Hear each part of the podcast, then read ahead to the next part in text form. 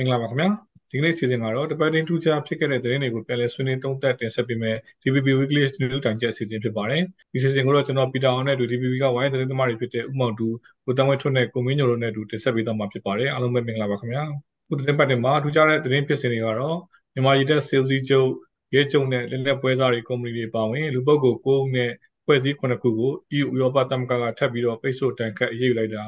ဘာမှဥပဒေကြောင့်ဒီဒေသတွင်းမှာအကြမ်းဖက်မှုတွေပို့ပြီးတော့ဆွားလာဖို့မရှိဘူးလို့ဒီအမေရိကန်နိုင်ငံသားရေးတိုင်ပင်ခံပုဂ္ဂိုလ်ဒယ်ရစ်ချော်လက်ကဘင်္ဂလားဒေ့ရှ်နိုင်ငံကီးစင်မှာပြောကြားခဲ့တာနောက်ဒေါ်လာတန်းချီတန်တဲ့မြန်မာပြည်များလက်စွပ်ကိုဝစ်စင်ပြီးတော့ပြီးဆိုပြောပေးခဲ့တယ်အမေရိကန်ဆိုတော့ရီယာနာကိုမြန်မာကျောင်းမြေနာတွေပေါ်မှာတပိတ်မောက်တန်ခတ်ပိတ်ဆို့မှုတွေမှာပူးပေါင်းပါဝင်ဖို့ဆိုပြီးတော့တက်ကြလို့ရှားသူတွေကတောင်းဆိုခဲ့တာနောက်စကိုင်းတိုင်းကဒီရွှေဘိုဝက်လက်မြို့နယ်နဲ့ဒီရာတော်မြို့နယ်သုံးမြို့နယ်ကိုစစ်ကောင်စီကစစ်အုပ်ချုပ်ရေးထပ်ပြီးတော့ကြီးညာလိုက်တာ ရန်ကုန်ပါဝင်ပြည်내နဲ့တိုင်းဒေသကြီးမြို့နယ်တချို့တွေမှာဒီမိုးတိထန်သာရွာသွန်းလေပင်းတွေတိုက်ဒီတမင်တွေလဲကြပြီးတော့မိုးတိတွေထွေချခဲ့တာနောက်85နှစ်မြောက်စင်ရတုချင်းမျိုးသားနှစ်မှာဒီပြည်내ပြပမှာချင်းချင်းတဲ့တာကျင်းပခဲ့ကြပြီးတော့ချင်းပြည်နယ်တချို့မှာတော့ဒါဖះเจ้าတက်နော်ပြုတ်ဖို့တော့မှဒါစစ်ကောင်စီတန်းမှာခွင့်ပြုမိတ်တောင်းပြနေရတဲ့သတင်းတွေရှိပါတယ်။နောက်ရန်ကုန်တိုင်းဝန်ကြီးချုပ်ဦးဖြိုးမင်းသိန်းကိုစစ်ကောင်စီကတော့ရွေးကောက်ပွဲဥပဒေနဲ့တရားစွဲပြီးတော့ ငွေတန်ချက်တသိန်းချမှတ်ခဲ့တာနောက်စာရေးဆရာကြီးမင်းသူဝင်အတွက်စစ်ကောင်းဆောင်ကချင်းမင်းနဲ့စုကိုဒါမိသားစုကလာမြည်လို့ဆိုပြီးတော့တားဖြစ်သူသမရဟောင်းဦးထင်းကျော်ရဲ့နေအိမ်ကိုစစ်ကောင်စီကဒါတောက်ရောက်ပြီးတော့ခန္ဓာနဲ့ဒါပြက်ခဲ့တာရှိပါတယ်။နောက်ဝိုင်းရုပ်ရှင်တရုတ်ဆောင်ထက်ဆင်အကယ်ဒမီတရားတင်ဆိုအသက်58နှစ်အရွယ်မှာနှလုံးရောဂါနဲ့ကလွန်သွားခဲ့တာနောက်ပြပထွက်ခွာလို့သူတွေကဒီဗုဒ္ဓဂါယာ ဖျားဖို့မဖြစ်မနေသွားမှာပဲ passport ရနိုင်တဲ့အခြေအနေကြုံရပြီးနောက်မှာ online booking စနစ်တဲ့နိုင်ငံကူးလက်မှတ်တွေလျှောက်ထားရမယ်ဆိုပြီးတော့စီကောင်စီကကြေညာခဲ့တာရှိပါတယ်။နောက်စီးပွားရေးတစ်ဘက်မှာတော့ဒီထိုင်းမြန်မာနယ်စပ်ကုန်သွယ်ရေးအဓိကနယ်စပ်ဂိတ်တစ်ခုဖြစ်တဲ့တာချီလိတ်မဲဆိုင်ချစ်ကြည်တရားကိုဒါ3နှစ်လောက်ပိတ်ထားရကနေပြီးပြန်ပြီးတော့ဖွင့်လိုက်တာအဲ့ဒါကဒီရွှေတစ်ချက်သားကိုကျပ်28 သိန်း9000နှုန်းနဲ့ပဲဒါတပြေးညီရောင်းချကြဖို့ဆိုပြီးစစ်ကောင်စီကရွှေဆိုင်တွေကိုညွှန်ကြားခဲ့ပေမဲ့ဘယ်ဆိုင်ကမှဒါဒီဈေးနဲ့ရောင်းချတာမရှိဖြစ်နေတာနောက်စံဈေးတွေတက်နေလို့ဒါအမထဆန်တပြေးကိုကျပ်2000နှုန်းနဲ့ရောင်းချပေးမယ်ဆိုပြီးတော့စံစဘာတင်းချုပ်ကကြေညာခဲ့တာရှိပါတယ်။နောက်ဝါဒေတာဟိုဘက်ဘက်မှာတော့ဒါဘိန်းစားတိုးတီးနဲ့ရောဘာချန်တွေကိုစစ်ကောင်စီကဒေတာဒီဆိုင်ဟာဥက္ကဋ္ဌကပြည်ကွက်တွေရိုက်ပြီးတော့တရုတ်တွေထဲမှာရောင်းစားနေတဲ့တွင်ရှိပါတယ်။နောက်နိုင်ငံသတင်းဘက်မှာတော့ဒီယူကရိန်းစစ်ပွဲတစ်နှစ်ပြည့်တာနဲ့ နော်အမေရိကန်သမ္မတဘိုင်ဒန်ယူကရိန်းကိုမမျှော်လင့်ပဲသွားခဲ့တာတရုတ်ထိပ်တန်းတန်တမန်ဝိုင်းကြီးကလည်းဒါရုရှားကိုသွားခဲ့တာနောက် Facebook ကုမ္ပဏီကဒီ Blue Mac အကောင့်တွေကိုဒီလစဉ်ကြီးကောက်ဖို့လုပ်နေတာနဲ့ဒီ TikTok ဟိုဥရောပကော်မရှင်ကတာမြင့်ပိတ်ပိတ်မှုလုပ်လိုက်တဲ့သတင်းတွေဒီဘက်တမှာနိုင်ငံတကာသတင်းစာမျက်နှာမှာတွေ့ရပါတယ်ပထမဆုံးအနေနဲ့မြန်မာသတင်းတစ်ပုဒ်နဲ့စတင်ပါတယ်အခုသတင်းပတ်ထဲမှာပဲဒါမြန်မာဒီဂျပန်ချစ်ကြည်ဥက္ကဋ္ဌအတင်းဥက္ကဋ္ဌဝါဒနာပေးရမြန်မာစစ်ကောင်စီခေါင်းဆောင်ရဲ့ဒါဆွမ်းဆောင်မှု ဘယ်လိုစိနေပြီးတော့မှခေါ်ပြီးတော့ဂုဏ်ပြုချင်းမြင်ခဲ့တာရှိပါတယ်ဒီတစ်ချိန်ထဲမှာပဲဒီဒီဖောင်ဒေးရှင်းဥက္ကဋ္ဌမစ္စတာဆာဆာကာဝါလည်းဒါစစ်ကောင်စီကိုကာဝယ်ကူညီပေးနေတယ်ဆိုပြီးတော့စစ်ကောင်စီ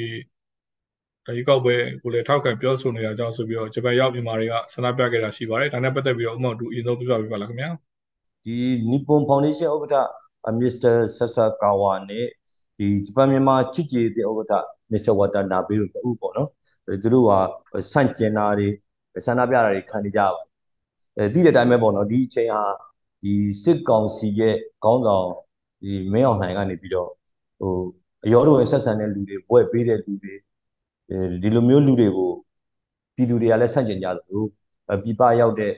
ကိုဒီးယားတို့ဂျပန်တို့ရောက်နေတဲ့မြန်မာပြည်သူတွေကလည်းအတန်ယုံနေရှိမှသွားဆန္ဒပြတာသူတို့ယုံနေရှိမှဆန္ဒပြတာခဏခဏဖြစ်တယ်ပေါ့ဒီကမှာဆိုရင်ဂျပန်ပြည်သူတွေလည်းပါဝင်ပူးပေါင်းကြပါတယ်ဒီဟာကတော့ကျွန်တော်တို့ဖေဖော်ဝါရီလ22ရက်နေ့မှာဒီ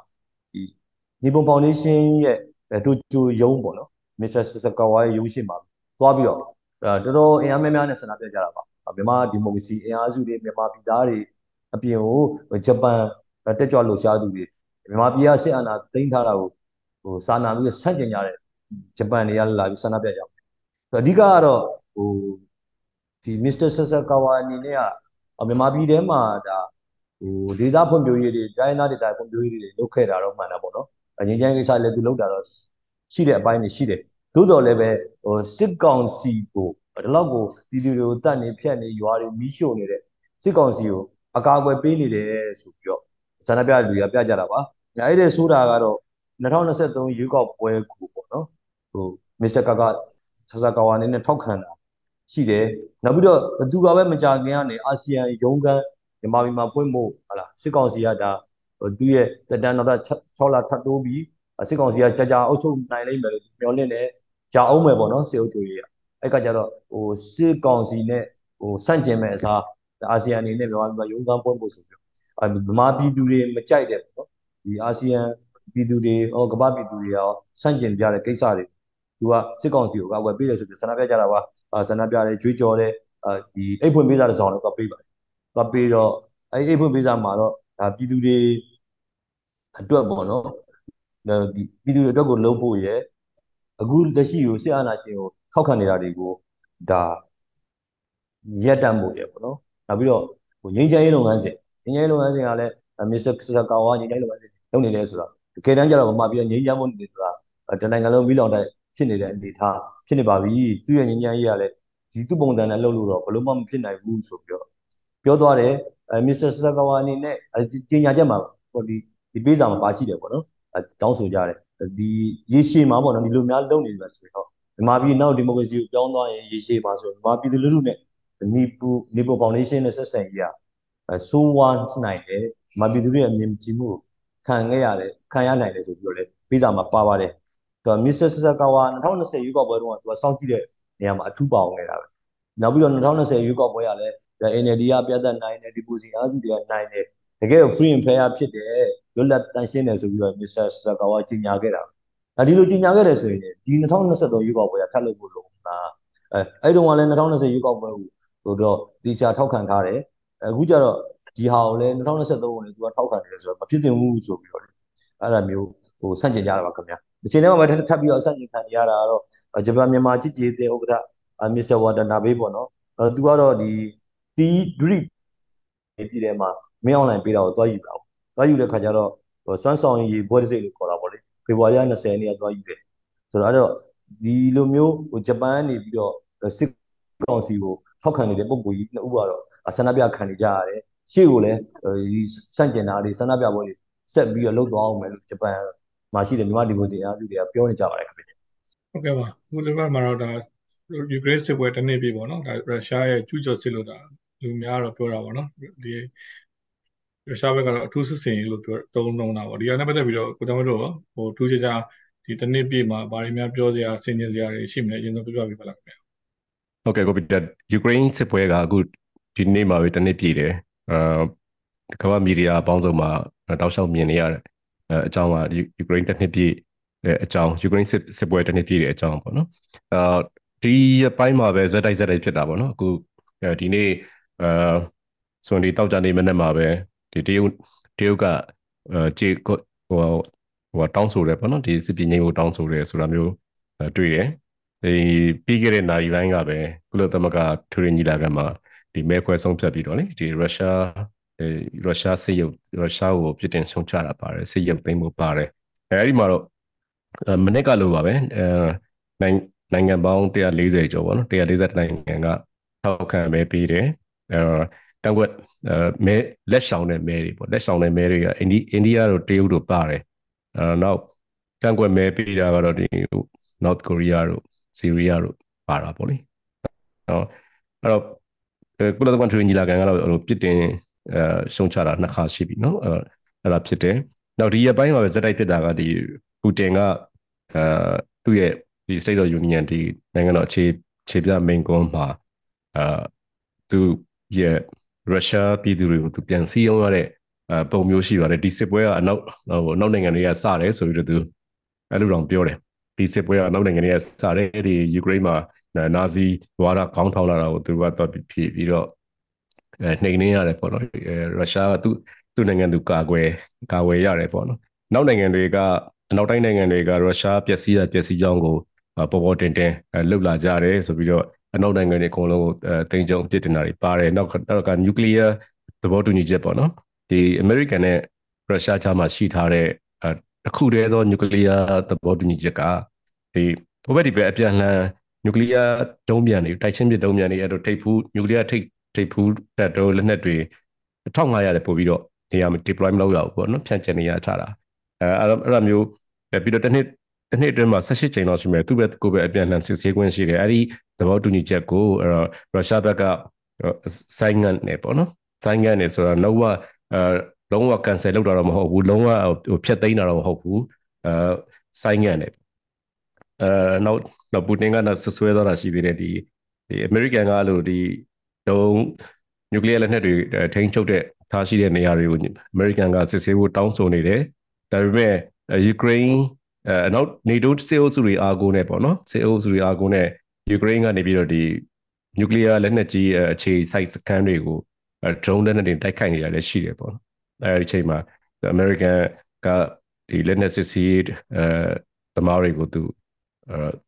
basic စေဖို့အသေးပဲမရှိဘူးဆိုတဲ့သဘောမျိုးပြောတာတွေ့တယ်နောက်နောက်တစ်ခါဒီကမ္ဘာ headline ဖြစ်သွားတာကလည်းဒီ nuclear ဟိုခုဒီဒီယူကရိန်းစစ်ပွဲတစ်နှစ်ပြည့်တဲ့ အချိန်မှာပဲဒီအမေရိကန်သမ္မတဂျိုးဘိုက်ဒန်ယူကရိန်းကိုသွားလိုက်တာပေါ့နော်အစီအစဉ်မရှိပဲသွားလိုက်အဲအစီအစဉ်မရှိပဲသွားတာတော့မဟုတ်ဘူးစစ်လုံးဝမကြည့်ကြိုးတင်မချင်းညာပဲနဲ့သွားလိုက်တယ်ပေါ့အဲသတင်းတောက်တွေတော့မှဒီဘယ်သွားမှမသိပဲပါသွားတယ်သူတို့တယ်လီဖုန်းတွေတင်ခံထားရတယ်အဲ့လိုမျိုးယထာစင်တာကြီးစီးပြီးတော့အဲယူကရိန်းကိုပိုလန်ကနေယူကရိန်းကိုသွားလိုက်တယ်ပေါ့နော်အဲအမေရိကန်သမ္မတအစဉ်ဆက်မှာတော့ရှိပါတယ်လို့စစ်ဖြစ်နေတဲ့နေရာတွေကိုသွားတာရှိတယ်အဲသို့တော်ဒီ ဒီ American စစ်တပ်တွေအခြေစိုက်တဲ့နေရာကိုသွားတာပေါ့တကတမျိုးပေါ့နော်ဒီ Donald Trump တို့သွားတာလည်းရှိတယ်ဒီအခုအဲ Biden သွားတာကတော့ဒီ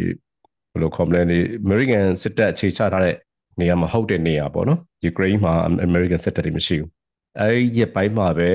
ပူတင်ကအဲတရုတ်နိုင်ငံကြီးအဲတရုတ်ကဝမ်ယီပေါ့နော်ဝမ်ယီကတော့ဒီနိုင်ငံကြီးက policy အတိုင်းပဲငါပေါ့ဒီ policy bureau မှာဝမ်ယီကလည်းသွားလိုက်တယ်တရုတ်က ပြောထားတာကတော့ तू ကဒီစစ်ပွဲမှာ तू ကမပါဝင်ဘူး तू neutral ပေါ့နော် तू ကြားနေနေမယ်ဆိုပြီးပြောထားပေမဲ့ပြီးခဲ့တဲ့ဒီစစ်ပွဲမတိုင်ခင်လေးမှာပဲဒီပူတင်နဲ့ဒီရှီချင်းချင်းနဲ့ကြားထဲမှာသူတို့ရဲ့ relation က no limit ပေါ့နော်အကန့်အသတ်မရှိဘူးဆိုတော့အဲ့လိုမျိုးပြောထားတယ်လည်းရှိတယ်အဲနောက်တစ်ခါဒီ American နဲ့တရုတ်ကြားမှာလည်းဒီဆိုဗီယက်ရုရှားကိုတရုတ်ကစစ်လက်နက်တွေမကူညီပေးဖို့အမေရိကန်ကတော်တော်လေးအဲ ဟိုအသတိပေးထားတာရှိတယ်အဲနောက်ပြီးဒီတစ်နှစ်အတွင်းမှာပဲထူးခြားတာတွေရှိပါတယ်เนาะကျွန်တော်တို့အဲ drone လက်နက်တွေပေါ့เนาะလက်နက်အသစ်တွေကျွန်တော်တို့မြင်နေမြင်ရတယ်လက်နက်အသစ်တွေအဲ switch blade လိုဟာမျိုးတွေပေါ့เนาะဒီပခုံးထမ်းအဲပခုံးထမ်းလောင်ချာဒုံးကြီးတွေနဲ့ဒီစစ်ပွဲမှာเนาะဒီရုရှားနဲ့ယူကရိန်းကြားကတိုက်ပွဲတွေမှာအာနာမည်ကြီးနေတာတွေတွေ့တယ်။နောက်တူရကီကလုပ်တဲ့ drone drone ပေါ့နော် အဲ drone အဲတွေ့နာမည်ကြီးလာတာတွေ့တယ်အခုနောက်ရုရှားဘက်ကလည်းအတမခံမဲ့ဒီအီရန်ကလုပ်တဲ့လူလူဝင်ပါတဲ့အသေးခံ drone တွေနဲ့ဒီတိုက်ပွဲအဲဟိုဟာတွေကိုတိုက်ခိုက်လာတာတွေ့တယ်ပေါ့နော်အဲဒီတစ်နှစ်အတွင်းမှာပဲအဲဟိုအသေးပြောက်လည်းပုံများလာတယ်ရုရှားဘက်ကဆိုလို့ရှိရင်အဲစစ်သားတသိန်းကျော်လောက်တည်ခဲ့ပြီပေါ့နော်ဒါ ခုချိန်ထိဆိုလို့ရှိရင်တော့ရုရှားကဒီစစ်သားစုဆောင်ရေးမှာအတင်းအဓမ္မစစ်သားစုဆောင်တာပေါ့နော်အဲ့တော့ရုရှားဟိုကြားလိုက်မယ်ထင်ပါတယ်ပြီးခဲ့လေးက6လဆိုလို့ရှိရင်နော်ရုရှားလူငယ်တွေအဲစစ်စစ်တပ်တဲ့ကိုစင်ခေါ်ခံရတဲ့အတွက်အဲနိုင်ငံကနေထွက်ပြေးကြတာပေါ့နော်3သိန်းလောက်ရှိမယ်နိုင်ငံနယ်စပ်တွေကိုအဲ့လိုစုလိုက်ပြုံလိုက်ထွက်ပြေးကြရတဲ့ဟာမျိုးဟိုးလေးတကြောဖြစ်တယ်နောက်ဒီပြီးခဲ့တဲ့အဲနှစ်ဒီစစ် စပြီးတော့တိုက်တယ်သူရဲ့ special military operation ဆိုပြီးတော့လေသူအဲအဲ့လိုသူကစကလုံးသုံးလုံးသုံးတယ်အဲ့ဒါကိုစစ်တိုက်တယ်လို့တော့မသုံးရဘူးเนาะဒါပေမဲ့ရုရှားပြည်သူတွေတော်တော်များများကဒါကိုစန့်ကျင်တယ်အဲစစ်ကိုစန့်ကျင်တယ်အဲစစ်စန့်ကျင်တဲ့သူတွေကိုလည်းအဲ့လိုစစ်လို့သုံးအဲသုံးတဲ့အတွက်ထောင်ချတယ်စစ်စန့်ကျင်တဲ့သူတွေကိုလည်းဆန္ဒပြနေတဲ့သူတွေကိုဖမ်းပြီးတော့ထောင်ချတယ်အမျိုးမျိုးပေါင်း150 160လောက်မှာဆန္ဒပြကြတာပေါ့နော်ရုရှားမှာလေအဲဒီအခုစစ်ပွဲကိုပူတင်ကိုစန့်ကျင်ပြီးဆန္ဒပြကြတာအားလုံးပေါင်းတောင်းနဲ့ချီပြီးတော့ ဖမ်းခံရတယ်ကျွန်တော်သတင်းတွေမှာတွေ့ရတယ်ပေါ့နော်အဲဒီရုရှားကမီဒီယာသမားတွေကလည်းဒီပူတင်ရဲ့ narrative ပေါ့နော်သူ့ရဲ့ဟိုဝါဒဖြန့်စကားလုံးတွေပေါ့နော်ဒါဟိုမှာနာဇီတွေကိုတော်နေနေမယ်ရုရှားပြည်ကိုကာကွယ်မယ်ရုရှားစကားပြောတဲ့ပြည်သူတွေကိုကာကွယ်မယ်အဲဆိုတာမျိုးတွေအဲသူ့ရဲ့ဝါဒဖြန့်တွေကိုမလိုက်နာနိုင်တဲ့အတွက်ရုရှား journalist တွေကလည်းတိုင်းပြည်ရထွက်ပြေးကြတယ်ဆိုတာမျိုးကျွန်တော်တို့တွေ့ခဲ့ရတောက်လျှောက်ပေါ့နော်ရုရှား journalist ပေါင်း900ကျော်လောက်ရှိမယ်အဖမ်းခံရတဲ့သူတွေလည်းအများကြီးပဲရှိမယ်အဲတောက်လျှောက်ဒီ နောက်ဆုံးဒီကဘာကြီးမှာကိုကဘာနိုင်ငံရေးချိန်ဝင်ရှာတွေရောကဘာစီးပွားရေးတွေရောကတောက်ကနေဖြစ်ရတာတွေရောငွေကြေးဖောင်းပွားတာတွေရောလောင်စာစီဈေးတက်တာတွေရောကျွန်တော်တို့ဟိုတယောက်ချင်းရဲ့အိမ်ဘဝအထိရောက်လာတဲ့ပြဿနာဖြစ်လာတယ်ပေါ့နော်ဒီယူကရိန်းနဲ့ယူကရိန်းကျူးကျော်စစ်ပေါ့နော်ရုရှားကကျူးကျော်တဲ့ယူကရိန်းမှာဖြစ်တဲ့စစ်ပွဲပေါ့နော်အခုတစ်နှစ်ပြည့်ခဲ့ပြီအခုချိန်ထိတော့အဲဘယ်ချိန်မှာပြီးနိုင်မလဲအရေးအရာမတွေ့ရသေးဘူးသို့တော်ဒီ NATO စေအုပ်စုနိုင်ငံတွေ ဒီနဲ့ American နိုင်ငံနဲ့ Germany စသဖြင့်ပေါ့နော်အဲဒီနောက်ဆုံးပေါ်တင်ကားတွေနောက်ဆုံးပေါ်တင်ကားတွေနောက်ဆုံးပေါ်ဒီဒုံးကြီးတွေဒုံးပြန်တွေအဲပေးနေကြတယ်အဲနောက်ပြီးတော့တိုက်လေရင်အထိအဲပေးဖို့တိုက်လေရင်နောက်ဆုံးပေါ် F16 လိုမျိုးတိုက်လေရင်မျိုးအစင်းမြင့်တိုက်လေရင်အထိပေးဖို့အထိကိုအဲတောင်းဆိုနေကြတယ်ရှိတယ်ပေးချင်တယ်လို့ပြောနေကြတယ်လည်းရှိတယ်နောက်ဒီစစ်ပွဲကဘာဆက်ဖြစ်လာမလဲနောက်ထပ်ဟိုကမ္ဘာ နိုင်ငံရေးပထဝီနိုင်ငံရေးချိန်ခွင်ရှာအပြောင်းလဲတွေဘာတွေဖြစ်နိုင်မလဲကျွန်တော်စောင့်ကြည့်ရအောင်ပဲပေါ့နော်ဒါတော့ယူကရိန်းစစ်ပွဲအခြေအနေပေါ့နော်အခုဆက်လက်ပြီးတော့မြန်မာပြည်ကဒါကုကတွန်းလန်စစ်ပွဲအခြေအနေနဲ့ပတ်သက်ပြီးတော့ပြောချင်ပါတယ်ဒီတွန်းလန်ရေးတပ်ဖွဲ့တွေနေမြေစုံမှုအားကောင်းနေတဲ့ဒီစကိုင်းတိုင်းတွေကဒီရွှေဘိုဝက်လက်နဲ့အရာတော်မှာဒါစစ်ကောင်စီကဖေဖော်ဝါရီလ20ရက်နေ့မှာစစ်အုပ်ချုပ်ရေးထပ်ပြီးကြေညာလိုက်ပါတယ်ပြီးခဲ့တဲ့ဖေဖော်ဝါရီလ22ရက်နေ့တုန်းကလည်းဒါစကိုင်းတိုင်းချင်းပြည်နယ်မကွေးတိုင်းပဲခူးတိုင်းတင်းလာကြီး ဒီကရင်နဲ့မိုးပြည်နယ်၊ကြားပြည်နယ်တွေကမြို့နယ်ပေါင်း38မြို့နယ်မှာစစ်အုပ်ချုပ်ရေးကြီးညာခဲ့တယ်။ပြီးခဲ့တဲ့2020ခုနှစ်တုန်းကလည်းဒါရန်ကုန်6မြို့နယ်အပါအဝင်ချင်းပြည်နယ်ကမင်းတပ်စုစုပေါင်း9မြို့နယ်အားလုံးပေါင်းလိုက်ရင်တော့စစ်အုပ်ချုပ်ရေးကြီးညာထားတာနိုင်ငံတော်မှာဆိုရင်မြို့နယ်ပေါင်း48မြို့နယ်ရှိလာပြီဖြစ်ပါတယ်။ဒီမှာဒါထူးခြားခြားကတော့ဒီပဲခူးတိုင်းနဲ့မြို့နယ်တွေပါလာတွေ့ရပါတယ်။စေအုပ်ချုပ်ရေးမကြေညာထားတဲ့စကိုင်းတိုင်းဆက်ကဒီရေတာရှည်တို့တောင်ငူတန်တောင်တို့ဘက်မှာဆိုလဲဒါတိုက်တိုက်ပွဲတွေကဒါ ဖြစ်ပွားနေတာရှိရတယ်အခုဒါပဲခူးတိုင်းကခုခံတွန်းလှန်စစ်ပွဲအခြေအနေအလားအလာဘယ်လိုရှိလဲဆိုတော့ဒီပဲခူးတိုင်းမှာဆယ်စုနှစ်နဲ့ချီပြီးတော့သတင်းတော်လွတ်လာတဲ့ဒါကိုဝိုင်းသတင်းတော်ကိုမင်းညိုပြပါပေးပါလားခင်ဗျဟုတ်ကဲ့ဒီစကားစသူတို့ကလည်းတွေးတာပေါ့တွေးတာဆိုတော့စကိုင်းတိုင်းနဲ့ခွေးတိုင်းကသူတို့နေရာတော်တော်များကိုသူတို့ဆွန့်လွတ်လိုက်ရတယ်ဆွန့်လွတ်လိုက်ရတော့ဒီလွတ်မြောက်နေပြီဖြစ်သွားတယ်အလားတူပေါ့နော်အခုဆက်ပြီးတော့ဖြစ်လာတာပဲခူးတိုင်းပဲခူးတိုင်းမှာပဲခူးတိုင်းကိုသူတို့ကဒီ PDF တွေစိုးမိုးသွားမှာစိုးမိုးနေပြီဖြစ်လာမှာသူတို့တော်တော်စိုးရိမ်နေရတယ် အဲစိုးရိမ်မှုရတော့ပဲခူးတိုင်းကတက်တွေတော်တော်များကလည်းဘယ်ဟာကိုအခြေပြုရလဲဆိုတော့ဒီပဲခူးတိုင်းပဲခူးရုံးမကြီးကိုပတ်ပတ်လဲဒီမြို့တွေကတည်ထားတာတည်ထားတဲ့အတွက်ကိုဘိုးရိုးမပေါ် PDF တွေစိုးမိုးမှာတို့တော်တော်စိုးရင်နေစိုးရင်တဲ့အတွက်ကိုဘိုးတိုင်းတွေကမြို့နယ်၄ခုအဓိကတော့ရိုးပေါ်တက်လို့ရတဲ့အလွယ်ကူဆုံးလမ်းတွေနဲ့အနည်းဆက်ဆုံးရှိတယ်မြို့နယ်၄ခုကိုသူကဒီမာရှယ်လောထုတ်လိုက်တယ်ထုတ်ပြီးတဲ့မထုတ်ခင် ရှေ့တလမှာလည်းလုပ်လိုက်ဘာလို့လဲဒီရိုးပေါ်ကိုတက်တဲ့လမ်းတွေကိုပိတ်လိုက်တယ်ပိတ်ပြီးရိုးပေါ်ကိုအသွားလာ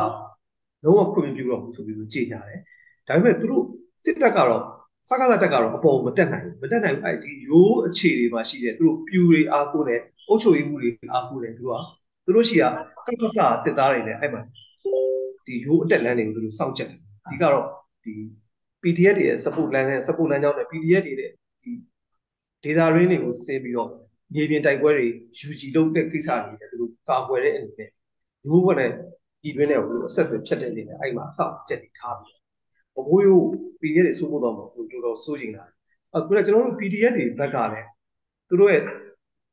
နေရာပေါ့နော်သူတို့အကောင်းဆုံးလုပ်လို့လို့ရမယ့်နေရာဘဘိုးရိုးတစ်ခုပဲရှိတယ်ဘဘိုးရိုးကပြောမယ်ဆိုရင်တော့တေကြီးဝါကြီးကတော့တိတ်မရှိတော့ဘူးဆိုပေမဲ့သူတို့ဘာလို့ရွေးချယ်လဲဆိုကျွန်တော်တို့သတင်းတောက်တွေက ပေးတယ်ပေါ့နော်အရင်ခေတ်ကလေးတွေကလည်းဥနေဝအစိုးရလက်ထက်ကဒီဘဘိုးရိုးမှာရှိတဲ့ကွန်မြူနစ်အဖွဲ့ကိုဖြက်လေးဖြက်စီနေလေးနဲ့သူတို့ပတ်ပတ်လေးကနေနေရာကျင့်သွားအောင်လုပ်ပြီးတော့နှိမ်နှင်းခဲ့တာမျိုးတွေရှိတယ်ပေါ့နော်ကျွန်တော်လည်းစိုးရိမ်တယ်လို့ကျွန်တော်တို့သတင်းသမားအနေနဲ့ဆိုတော့ဒီတာဝန်ရှိသူတွေကိုမေးကြည့်တော့အရင်လိုအခြေအနေမျိုးမဟုတ်ဘူးမဟုတ်ဘူးဆိုတာအခုရိုးပေါ်မှာရှိတဲ့ရိုးနဲ့ဆက်ဆက်နေတဲ့ကြေးရွာတွေ68ရာခိုင်နှုန်းလောက်က PDF နဲ့ခွဲလို့မရဘူးအခု PDF ကို support PDF ကိုကူညီတဲ့ရွာတွေဖြစ်တဲ့အတွက်အားတာအရင်တော့လို့တောကြီးပဲမှာတက်ပြီးတော့တောမရှိတော့ဘူးဟုတ်ပြီတောထဲမှာခိုလို့မရခဲ့ပေမဲ့လည်းအဲ့တောနဲ့ဆက်ဆက်တဲ့ကြေးရွာတွေမြို့နယ်တွေအကုန်လုံးမှာ PDF နဲ့တသားတဲ့ကြောင်သူနေလို့ရတဲ့အတွက်ဘကိုးရိုးကိုသူရွေးချယ်တာပေါ့အဲအဲ့တော့နောက်တစ်ခုကလည်းဒီဘကိုးရိုးနဲ့ဘကိုးရိုးကာဝယ်ဖို့ဆိုပြီးသူတို့ဘက်ကစစ်သားမပေးနိုင်အဓိကတော့စစ်သားမပေးနိုင်တော့ကပ္ပစတွေကပ္ပစတက်တွေကသူတို့လက်ယုံတက်လို့ခေါ်တယ်တခါမှသူတို့စစ်မတိုက်ဘူး စစ်လည်းမတိုက်ဘူးသူတို့တခြားလုံးသူတို့ဘဝတခြားလုံးကဒီစက်ယုံထဲမှာပဲရဲလက်နဲ့သူကြည်စံလို့အဲ့ထုတ်လို့ရေးမှာပဲသူတို့နေရတာအခုဒါပေမဲ့ဘိုးတိုင်းထဲမှာ66တက်မှလာမှာစစ်သားကမရှိဘူးတက်မကြီးထဲမှာမရှိဘူးမရှိတဲ့တော့ဘသူကဒီကပ္ပစတွေကတုတ်တုံးပါတယ်ဘကိုးတိုင်းထဲမှာကပ္ပစ9ခုရှိတယ်အဲ့9ခုကလည်းအခုပြေးတဲ့ဖက်ပြေးတဲ့အင်အားတော်တော်များတယ်တက်ထဲမှာဘူးသူမရှိတော့ဘူးအဲ့ဒါဘာလို့သိရလဲဆိုတော့ကျွန်တော်တို့ပြေးနဲ့ပေါက်ဝင်ပြေးတဲ့ဒီ ပြေးခိုင်နဲ့မြို့တွေမှာရှိတဲ့ pride လုပ်နေတဲ့ကလေးတွေရှိရတယ်ကျွန်တော်တို့သိရတာကအခုရပိုင်းကိုသူတို့အဲ့တက်ကတက်ကဘိုလ်ဘူးတယောက်ကလာလာပြီးတော့ညှိတယ်ပေါ့နော်ညှိတယ်ဆိုတော့အလောင်းတွေကိုသူတို့ရှေ့တန်းမှာကြားတဲ့အလောင်းတွေကိုအချိုးပေးဖို့တိတ်တိတ်ကိုအချိုးပေးဖို့ဆိုတော့သူတို့ကတော့ထင်လိုက်တာ PDF တွေလားလို့ထင်လိုက်တာမဟုတ်ဘူးတဲ့တကြိုခံကြီးချက်မှာကြည်ရတော့ဒီစစ်သားတွေ best တွေပါတယ်ပေါ့နော်တက်ချက်တို့ဒုတက်ချက်တို့စစ်ဘိုလ်အဲ့ဒါဘုံတော့ကပ္ပစ best တွေ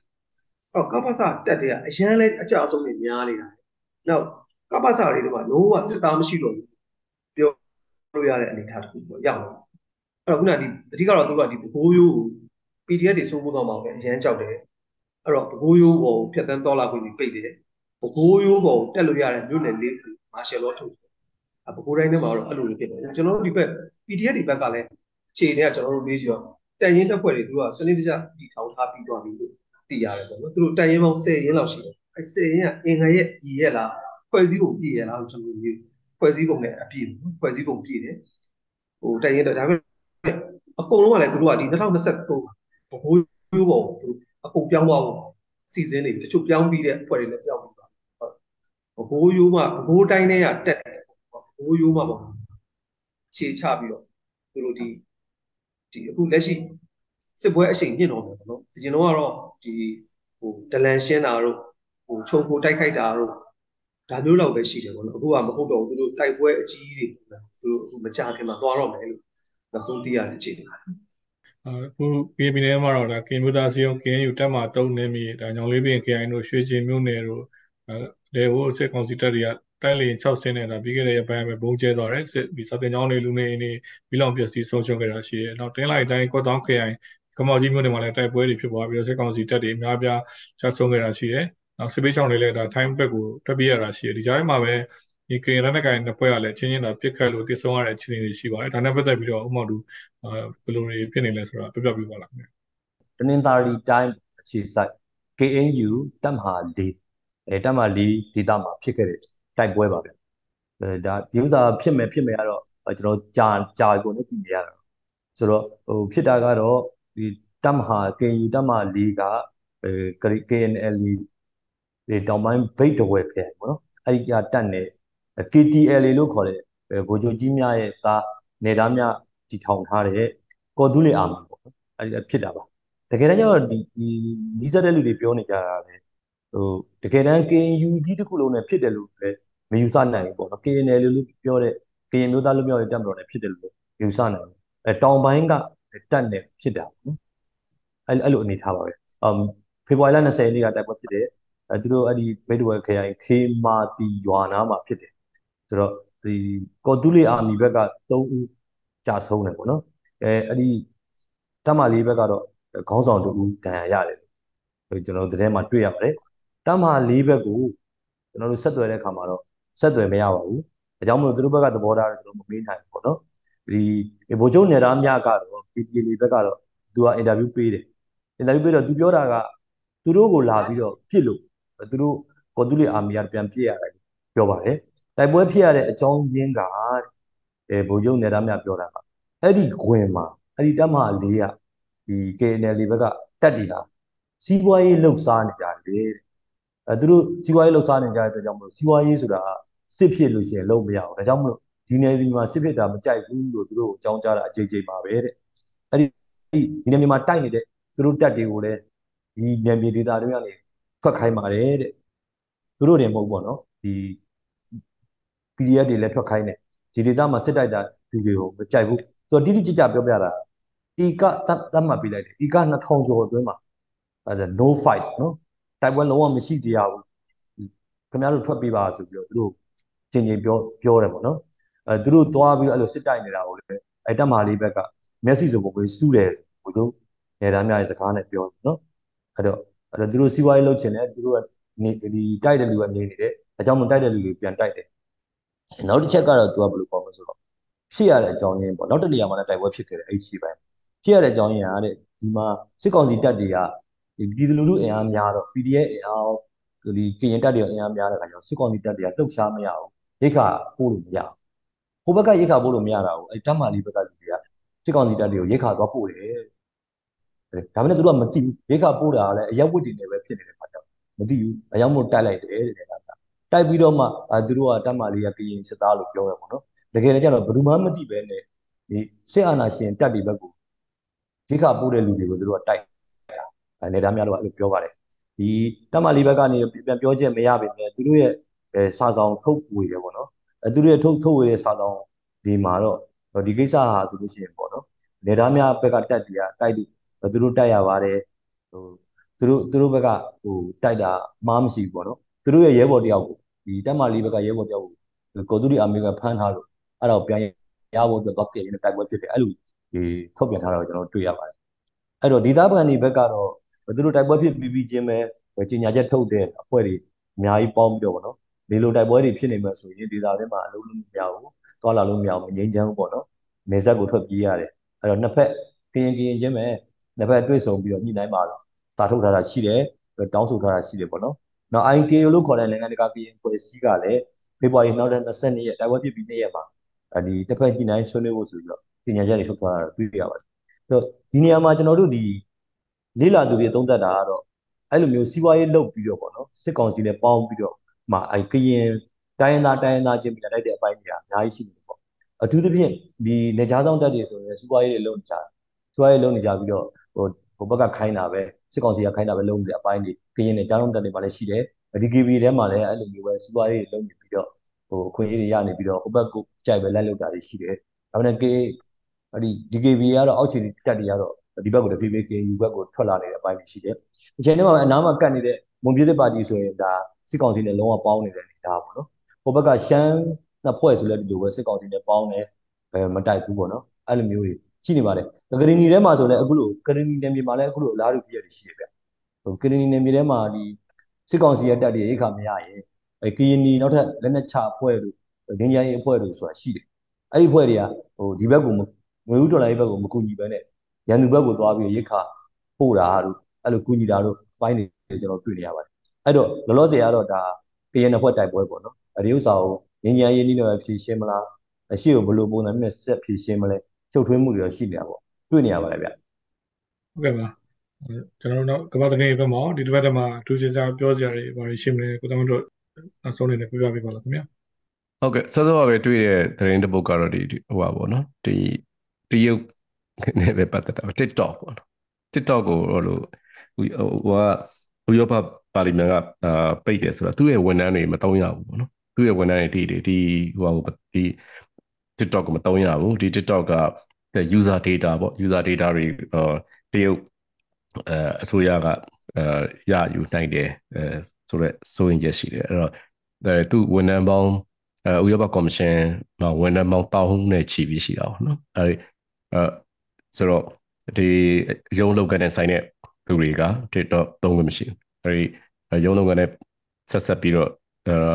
install လုပ်ထားတဲ့ device တွေမှာပေါ့ computer တွေဒီဖုန်းတွေမှာ TikTok သုံးလို့မရှိဘူးပေါ့အဲ့ဒါအဲ့ဒီပုံစံမျိုးဒီအမေရိကမှာလည်းအမေရိကပြည်နယ်တော်တော်များများမှာလည်းအဲ့ဒါမျိုးတွေအမိန့်ထုတ်နေတာတွေ့ရတယ်အဲ့တော့ဒီအဓိကတော့ data data ပေါ့နော် user data တွေတရုတ်ဆိုရကရယူနိုင်တယ်အဲဆိုတဲ့အချက်လက်ပေါ့နော်အဲအဲ့ဒီချက်လက်အဲ့ဒီချက်လက်ရှိနေတယ်ပြီးတော့အခုအာ ဟိုတရုတ်နဲ့အမေရိကန်ကြားမှာအဲ့ဒီဆက်ဖြင်းဆက်ဖြင်းဖြစ်နေတဲ့ကိစ္စပေါ့နော်အဲဘောလုံးကိစ္စလည်းမပြီးသေးဘူးပေါ့နော်ဘောလုံးကိစ္စလည်းဆက်အဲ့ဟိုကလည်းဘလင်ကင်နဲ့ဟိုကြီးနဲ့ဥရောပမှာတွေ့ကြတော့သူတို့ပြောပြကြသေးတယ်အဲတရုတ်ကတော့အဲတရုတ်ကတော့ဒါဒါတရုတ်တရုတ်ဘက်ကတော့ဟိုဒါမိုးလေဝသနဲ့ပတ်သက်တာပဲဖြစ်တယ်ပေါ့နော်အမေရိကန်ဘက်က over over attain တွေလောက်တယ်ပေါ့နော် item တွေများတယ်ပေါ့နော်အဲအဲ့လိုမျိုးအဲ့တော့ ဒီအခု TikTok နဲ့ဆက်ဆက်လို့ရှိရင်လည်းဒီတရုတ်နဲ့နောက်အုပ်စုကြားမှာအဲသက်ဆိုင်ပို့ပြီးတော့တင်းမာလာမဲ့အရေးအယောင်များလားပေါ့နော်ဒါပေမဲ့တရုတ်နဲ့စီးပွားရေးကမကင်းမကင်းကြောင်းတွေရတယ်နိုင်ငံတော်တော်များများအဲ့လိုမကင်းမကင်းကြောင်းတွေဖြစ်နေတာတွေရှိတယ်အဲ့ဆိုတော့အဲ့ဒါအဲ့ဒါတော့နောက်ထပ်ဟိုဆက်ပြီးစောင့်ကြည့်အောင်မယ်ထင်တယ်စိတ်ဝင်စားစရာတွေအဲဆက်ပြီးတွေ့ရအောင်မယ်ထင်တယ်ဟုတ်ကဲ့ပါ ဒါမဲ့သတင်းပတ်တွေမှာလည်းမြန်မာနဲ့ကမ္ဘာမှာအချိန်တိုင်းမှာဖြစ်ပြတဲ့သတင်းတွေပတ်သက်ပြီးတော့ဆက်လက်ဆွေးနွေးဖို့ရှိတဲ့အကြောင်းပြောပြရနေပဲဒီတစ်ပတ်စီစဉ်ကိုအဆုံးသတ်လိုက်ပါစေခင်ဗျာဒီစီစဉ်မှာပေါင်းဆွေးနွေးပြခဲ့ကြတဲ့ DB1 တော့အားလုံးကိုရောကြည့်ရှုအားပေးကြတဲ့ DB ပေးသက်တွေလည်းကျေးဇူးတင်ရှိပါတယ်ခင်ဗျာ